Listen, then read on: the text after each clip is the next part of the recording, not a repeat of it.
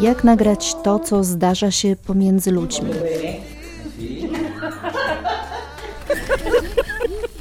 W jaki sposób opowiedzieć o miłości? Gdybym mogła się śmiać, to bym się śmiała od rana do wieczora. No.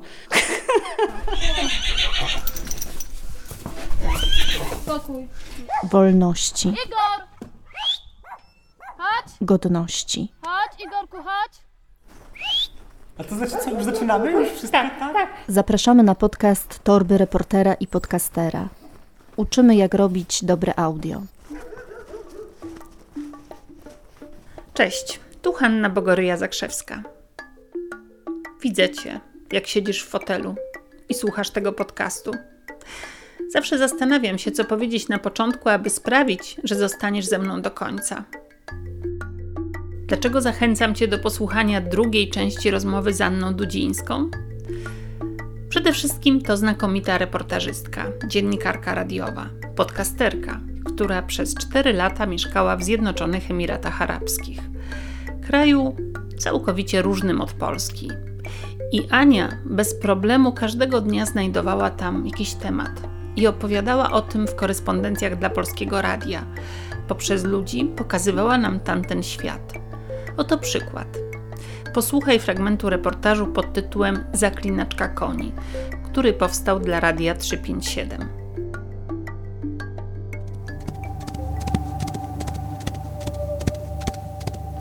39 stopni na zewnątrz. To nie jest niezwykła temperatura. Normalne dubajskie lato. A, niedomknięte okno. To dlatego jest ciepło. A ja, chyba AC mi nie działa. Joanna jest taka krucha. Patrzę na nią, jak zamyka okno i niechcący strąca stojące na parapecie zdjęcia. Na wszystkich konie. Na obrazach w jej sypialni też konie, a z zamykanego właśnie okna widać tor wyścigowy. Kawałek Majdanu widać. No, bardzo blisko w zasięgu oka mamy największy tor wyścigowy na świecie. Mejdan. Muszę się Mejdan wychylić troszeczkę. To jest jakiś ogromny budynek.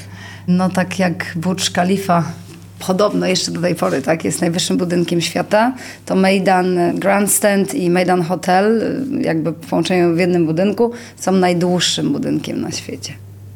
Najdłuższe, najwyższe, najszybsze. Przedrostek naj sprawdza się w Dubaju. Określenie The Best pojawia się w folderach reklamowych i na billboardach. Pewnie pojawiło się też w głowie polskiej jokejki. Stajnie w Dubaju od zawsze były jej marzeniem. Pracuję dla stajni Faza Racing Stable w Dubaju, która jest własnością księcia Crown Prince of Dubai, szejka Hamdama bin Mohammed Al Maktoum. Mamy bardzo dobre konie, 75 koni w stajni, 60 ludzi tymi końmi się opiekuje tutaj, nie? Więc jest to na pewno ciekawa y, perspektywa, jak jeździ się na koniach, które są warte 2 miliony dolarów. Zawsze mówię, że te nasze konie to taki Ur- jak Usain Bolt w wersji końskiej. Także niesamowite, majestatyczne i bardzo szybkie. Takie jest ciekawe słowo, zresztą moje ulubione słowo z języka arabskiego, maktub, jakby przeznaczenie, tak? Zapisane w gwiazdach, więc zawsze jakoś tak podświadomie czułam, że będzie to jakieś takie miejsce docelowe dla mnie. Tym bardziej, że takim moim najwspanialszym, najbardziej ukochanym koniem, na którym jeździłam jako dziecko, jako junior, był szejk. Koń o nazwie szejk. Także ciekawa historia od szejka do szejka. czytałam Twoją książkę, to miałam takie silne przekonanie, że trafiłaś do raju.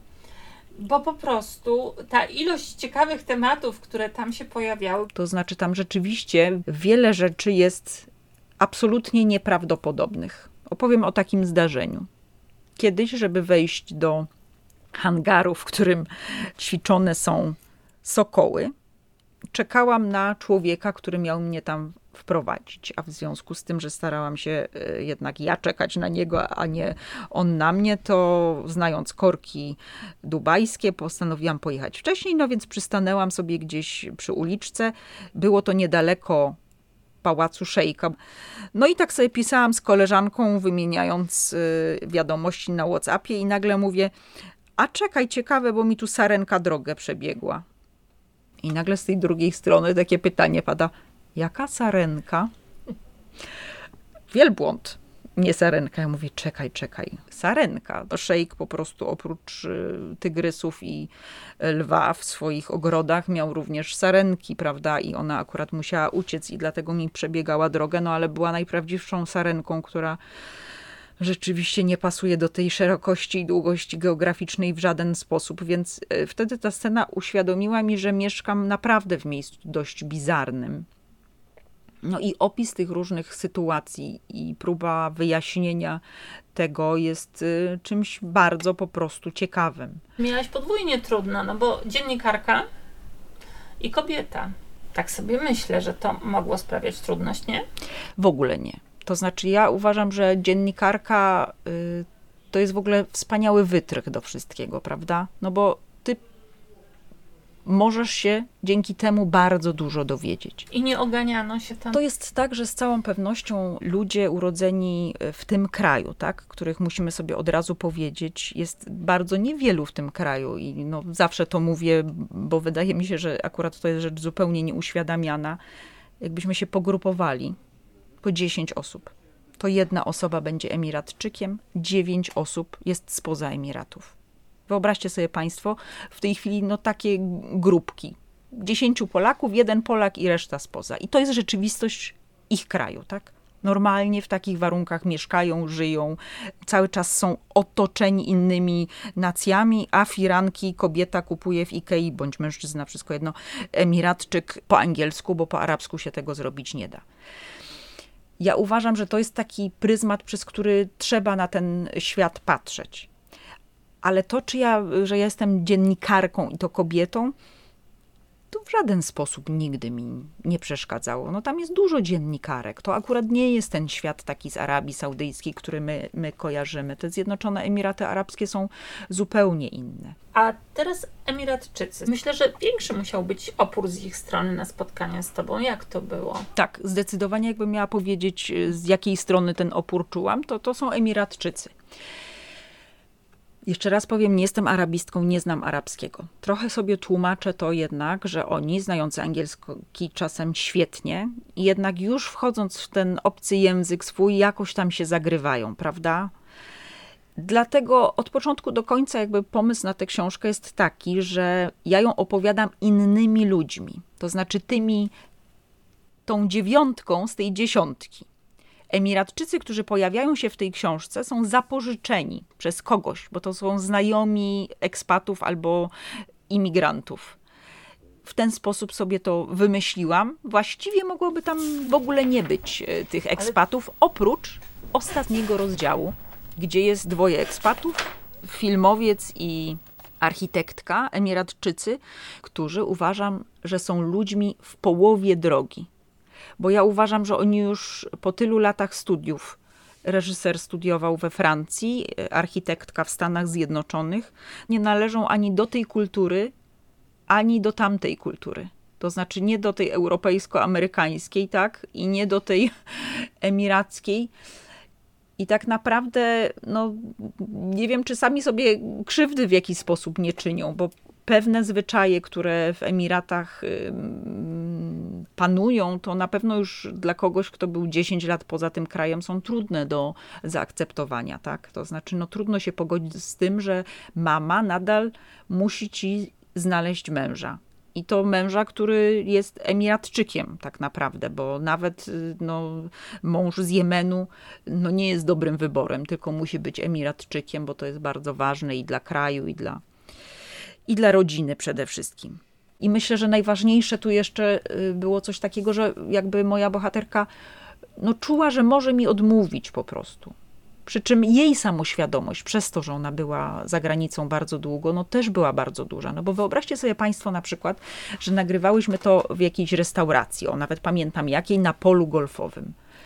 I to była restauracja w jej własnym kraju. Ona weszła w abai, której akurat ona nie lubiła, ale nosi te abaje, czyli w czarnym tym takim nakryciu. Była jedyną osobą w tej restauracji, w tej abai. Czyli jesteś w własnym kraju, emiratką, jedyną na sali, na której jest, siedzi 100 osób. No więc pojawia się takie pytanie, powiedz mi, jak ty się czujesz w, takim, w takiej rzeczywistości, prawda? I ona może odpowiedzieć albo, albo nie. nie. Myślę, że ja bym jeszcze tutaj dodała jedną rzecz do tego, co mówiłaś, że ona musi poczuć też nie tylko, że może nie odpowiedzieć, ale że ty nie oceniasz. Nad tym to Dla się nawet to za się bardzo. wydaje oczywiste. Y, Tak, nawet się za bardzo nie zastanawiam, bo ja po prostu naprawdę nie oceniam. To znaczy, ja nawet gdybym rozmawiała, prawdę mówiąc, z kimś, kto jest szefem firmy, która zatrudnia tych robotników, którzy budują stadiony, stwarza im takie warunki, jakie stwarza, to próbowałabym rozmawiać z nim jednak i dowiedzieć się, dlaczego tych, tego prawa, które mu zabrania robić to tak, jak to robi, nie ma. Dlaczego, jeśli jest, to dlaczego on się do niego nie stosuje, ale jednak chciałabym cały czas być, wychodzić z takiej pozycji, proszę cię, wytłumacz mi, bo ja tego nie rozumiem. I że ja naprawdę jestem z innej kultury. Wyjaśnij mi, na czym polega właśnie prawo e, kafala, skąd ono się bierze, dlaczego tak musi być, dlaczego ktoś, kto tutaj przyjeżdża, oddaje wam paszporty i tak dalej, i tak dalej. Oto fragment z książki, rozmowa ze wspomnianą architektką z Emiratów. Pracuję tu w biurze projektowym. Zawsze trzeba coś nowego urządzić. To duży kompleks i wymaga ciągłych zmian. Dla mnie to praca marzeń, ale gdy mnie przyjęli, czułam się jak piąte koło u wozu. To kolejny paradoks i dowód na zachodzące w Emiratach zmiany. Większość pochodzących z Ameryki czy Europy szefów zatrudnia Emiratczyków tylko ze względu na nakaz emiratyzacji, czyli przepisy mówiące o stopniowym zwiększaniu liczby zatrudnionych lokalnych obywateli. W państwowym sektorze to nawet oczywiste, ale w prywatnym już nie takie proste. Dlatego firmie, która zatrudnia Emiratczyków, oferuje się liczne ulgi i przywileje. Szefowie w głębi duszy uważają jednak, że lokalni mieszkańcy przychodzą do pracy trochę się ponudzić i jak najszybciej wracać do domu. To stereotyp, z którym trudno walczyć. Pochodzący z Belgii szef architektki na początku kompletnie pomijał ją przy podziale pracy. Czasem tylko wysyłał gotowe projekty do przejrzenia. Nie pomagało, gdy mówiła, że chce pracować. Równo po roku trafił na jej biurko projekt wystroju jednego z budynków, jak zwykle tylko do przejrzenia. Na ścianach miały być wykorzystane elementy roślinne, liście klonu. Ale dlaczego klonu? Nie potrafiłam wyjść ze zdumienia. Odważyłam się i napisałam do szefa, załączyłam zmieniony projekt z kwiatami pustyni i wyjaśniłam, że po co wykorzystywać motyw drzewa, które rośnie 5000 km od pustyni. Popatrzył zdziwiony. Zaakceptował mój projekt i od tego momentu całkowicie zmienił do mnie stosunek. Ten mało istotny szczegół wpłynął na moje życie. Myślę o tym za każdym razem, gdy przechodzę obok ściany, na której widzę kwiaty pustyni wymalowane według mojego projektu. Byłam w kilku emirackich domach. To Właśnie trudno było wejść tam. Znaczy, rozumiem, zawsze miałaś przewodnika, taką osobę, która cię rekomendowała, prawda? tak, tak, tak. Bez tutaj tego na by pewno. nie dało rady. Bez tego by w ogóle nie dało rady. Oni są po prostu nieufni. Ja myślę, że to się bierze stąd, y, że oni naprawdę jednak w, tej, w tym kraju czują się w tej mniejszości. Oczywiście bogatej, czasem to okazują wręcz w sposób taki, który trudno zaakceptować, że to jest nasza ziemia, wy jesteście, wiesz, tam służącymi, czy na poziomie menadżera w firmie, czy na poziomie mm, pana, który sprząta ulicę, Y, ale jednak jesteście na naszych usługach, za nasze pieniądze i tak dalej, i tak dalej. No ja uważam, że to jest taka maska, którą oni sobie przywdziewają, bo po prostu nie mają co zrobić z tą świadomością, że jest ich tak niewielu.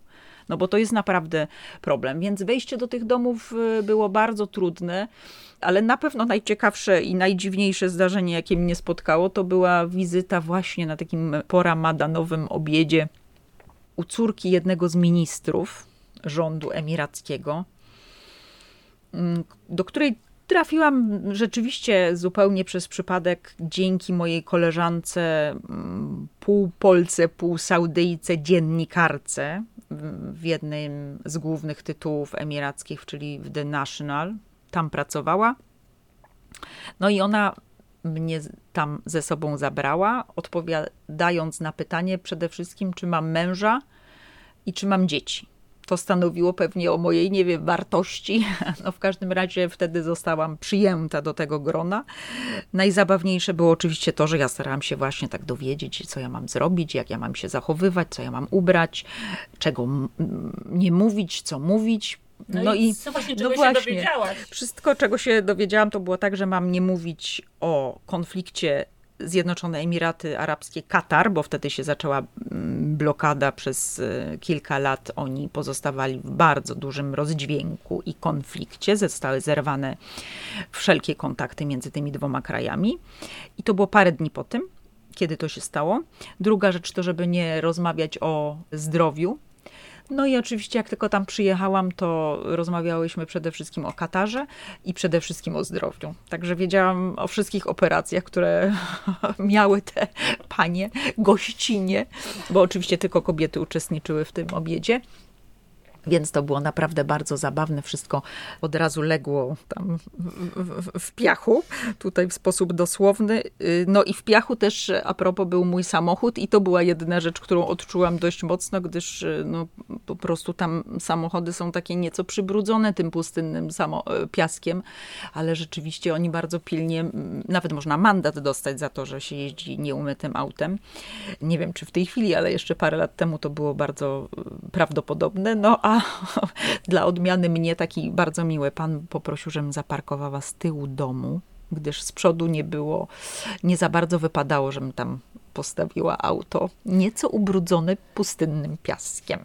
Oczywiście była też taka umowa, że na przykład pisać o tym nie powinnam, o tym spotkaniu. Tych bohaterów miałaś mnóstwo, do każdego miałam jakieś pytanie, ale jednak no, nie będziemy robić 100 godzin podcastu.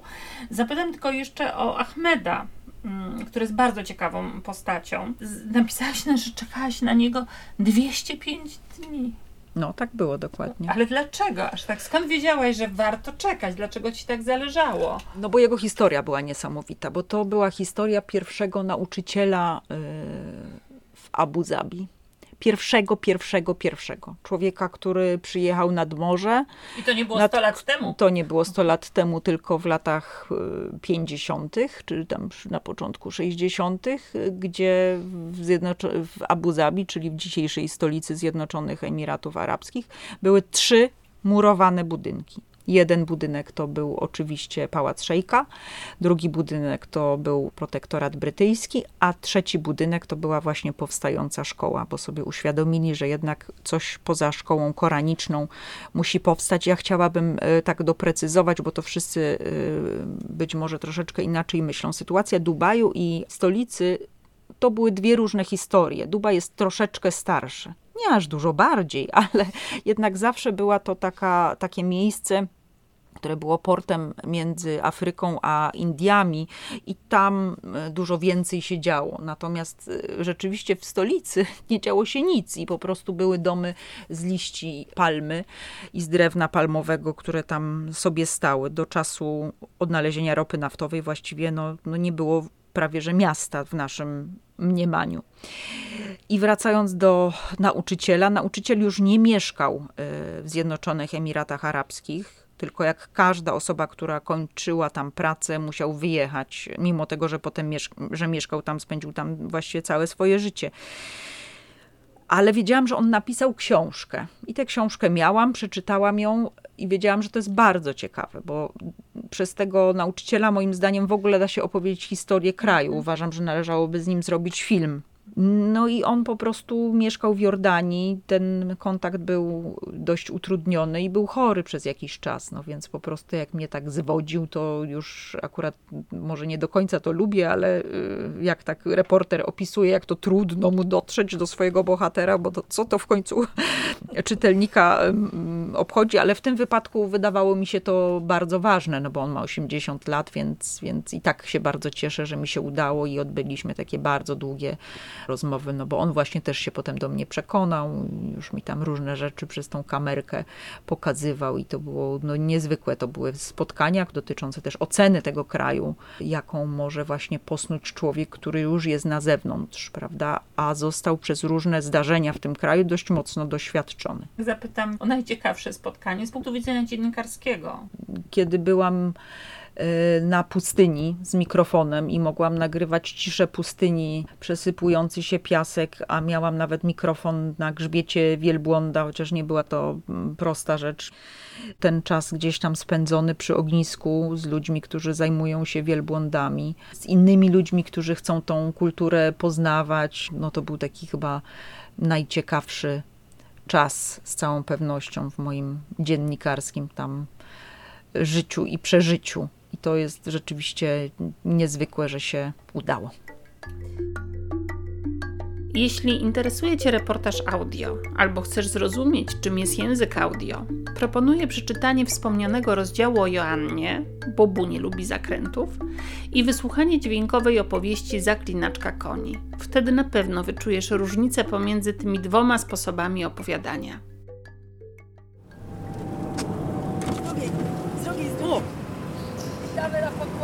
Cześć! Jezu, jak ja się wystraszyłam. Ale cześć w ogóle, cześć. Siadaj tu z drugiej, potem jest torba. First pray, a my już zaczynamy, tak? ولولا فضل الله عليكم ورحمته ما زكى منكم Trzeba chyba bardzo kochać, żeby wstawać o takiej godzinie. No niewątpliwie, 6 razy w tygodniu. Pobudka 3.30 AM. No nie jest łatwo, ale jak ma się świadomość, że czeka na ciebie twój ukochany koń albo grupa ukochanych koni, no to staje się rzeczywiście żwawo. Niełatwo było się tam dostać. No rzeczywiście Stania jest e, bardzo prestiżowa. Mamy ponad 60 osób, które jest zatrudnionych, z czego tylko dwie kobiety. Pracuje tam moja przyjaciółka Jennifer, która jest takim menadżerem stajni, a ja jestem jedynym miejscem. No i oczywiście zobaczycie za chwilę, jakie mamy warunki treningowe. Prywatny tor, basen, spa, cały oddział weterynaryjny, laboratorium, gdzie się rzeczywiście bada, tak jak u takich, można powiedzieć, na wysokim poziomie atletów krew, tak, czyli poziom przygotowania, poziom sprawności, poziom fitness. Na wizytę w książęcej stajni czekałam kilka miesięcy. Wymagała uzgodnień, pozwoleń i cierpliwości. Anię też wyposażę w ten smakołyk dla moich koni, miętówki. O, dziękuję Bo bez tego to się wiesz, ani rusz, nie dadzą się przekupić. Tor wyścigowy jest jak dobrze strzeżona twierdza. Ale teraz pewnie mijamy kolejne bramy i strażników. Hello, bubu boy. Oh, what's up? What's up, bubu boy? Kiełbuski? Kochany. Mm. O, to słynny bubu. Przywitaj się, bubu. No, bubu to ma pierwszy trening już gotowy. Stanie tylko dwie miętówki i pędzimy po siodło. On uwielbia, to jest jego przysmak. Bez miętówek nie ma wstępu. No, bubu to przede wszystkim moja ogromna miłość, inspiracja i jeden z moich najlepszych koni, na którym już jeżdżę od trzech lat w treningu, czyli pierwszy koń, na którym w ogóle jeździłam. Faza Racing Stable. No i do tej pory wygrał sześć wyścigów. I cztery razy był drugi, także jest y, czempionem. Pójdziemy po jabłko dla niego wyjątkowy, ponieważ jest w ogóle malutki, jak, jeżeli chodzi o taki średni, można powiedzieć, rozmiar tak konia wyścigowego, natomiast ma tak ogromne serce, jest tak waleczny.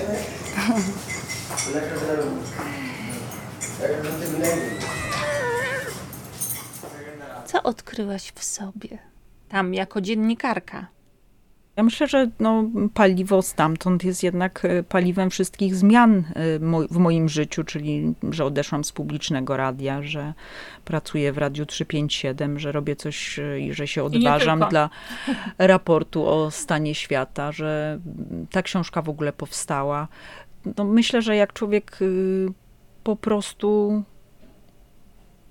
to takie jest gadanie, wszyscy tak gadają, no, ale dokonuje jakiejś zmiany, to jednak w tej zmianie czasem jest siła. Oczywiście, że czasem ta zmiana jest na, na y, gorsze. To nie ma co tutaj już udawać jak jakiś y, coach i trener mentalny, bo nim naprawdę nie jestem.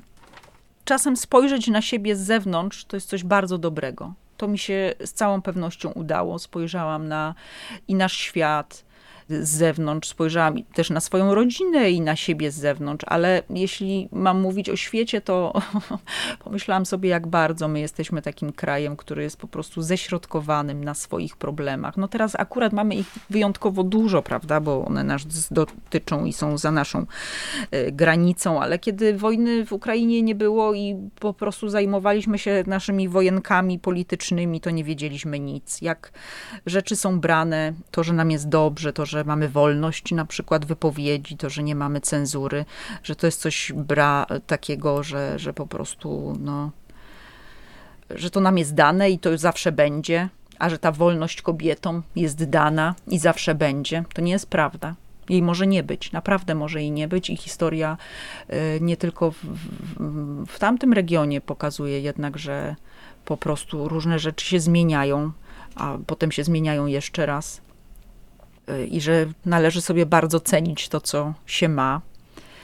No i że naprawdę jest bardzo dużo nieszczęścia w różnych miejscach y, świata i że fajnie jest też się temu przyglądać i nie patrzeć tylko ze swojego końca noska na rzeczywistość, tylko naprawdę oglądać siebie w takiej perspektywie geopolitycznej bardzo dużej. Wiesz, ja muszę ci powiedzieć całkiem szczerze, że ja w tej chwili nie czytam polskich gazet. Nie jest mi to potrzebne. To może jest trochę wstydliwe wyznanie dla dziennikarza, ale zdecydowanie bardziej interesują mnie opowieści o świecie.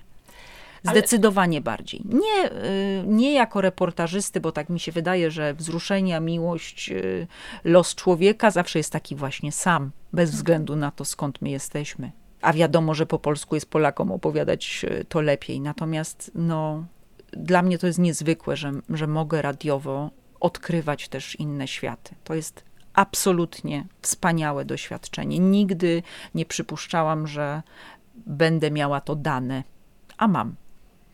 Ale muszę jeszcze uściślić, bo y, mówiąc o tym, że dzięki pobytowi tam doszło do zmiany w Twoim życiu, to dlatego, że nabrałaś dystansu.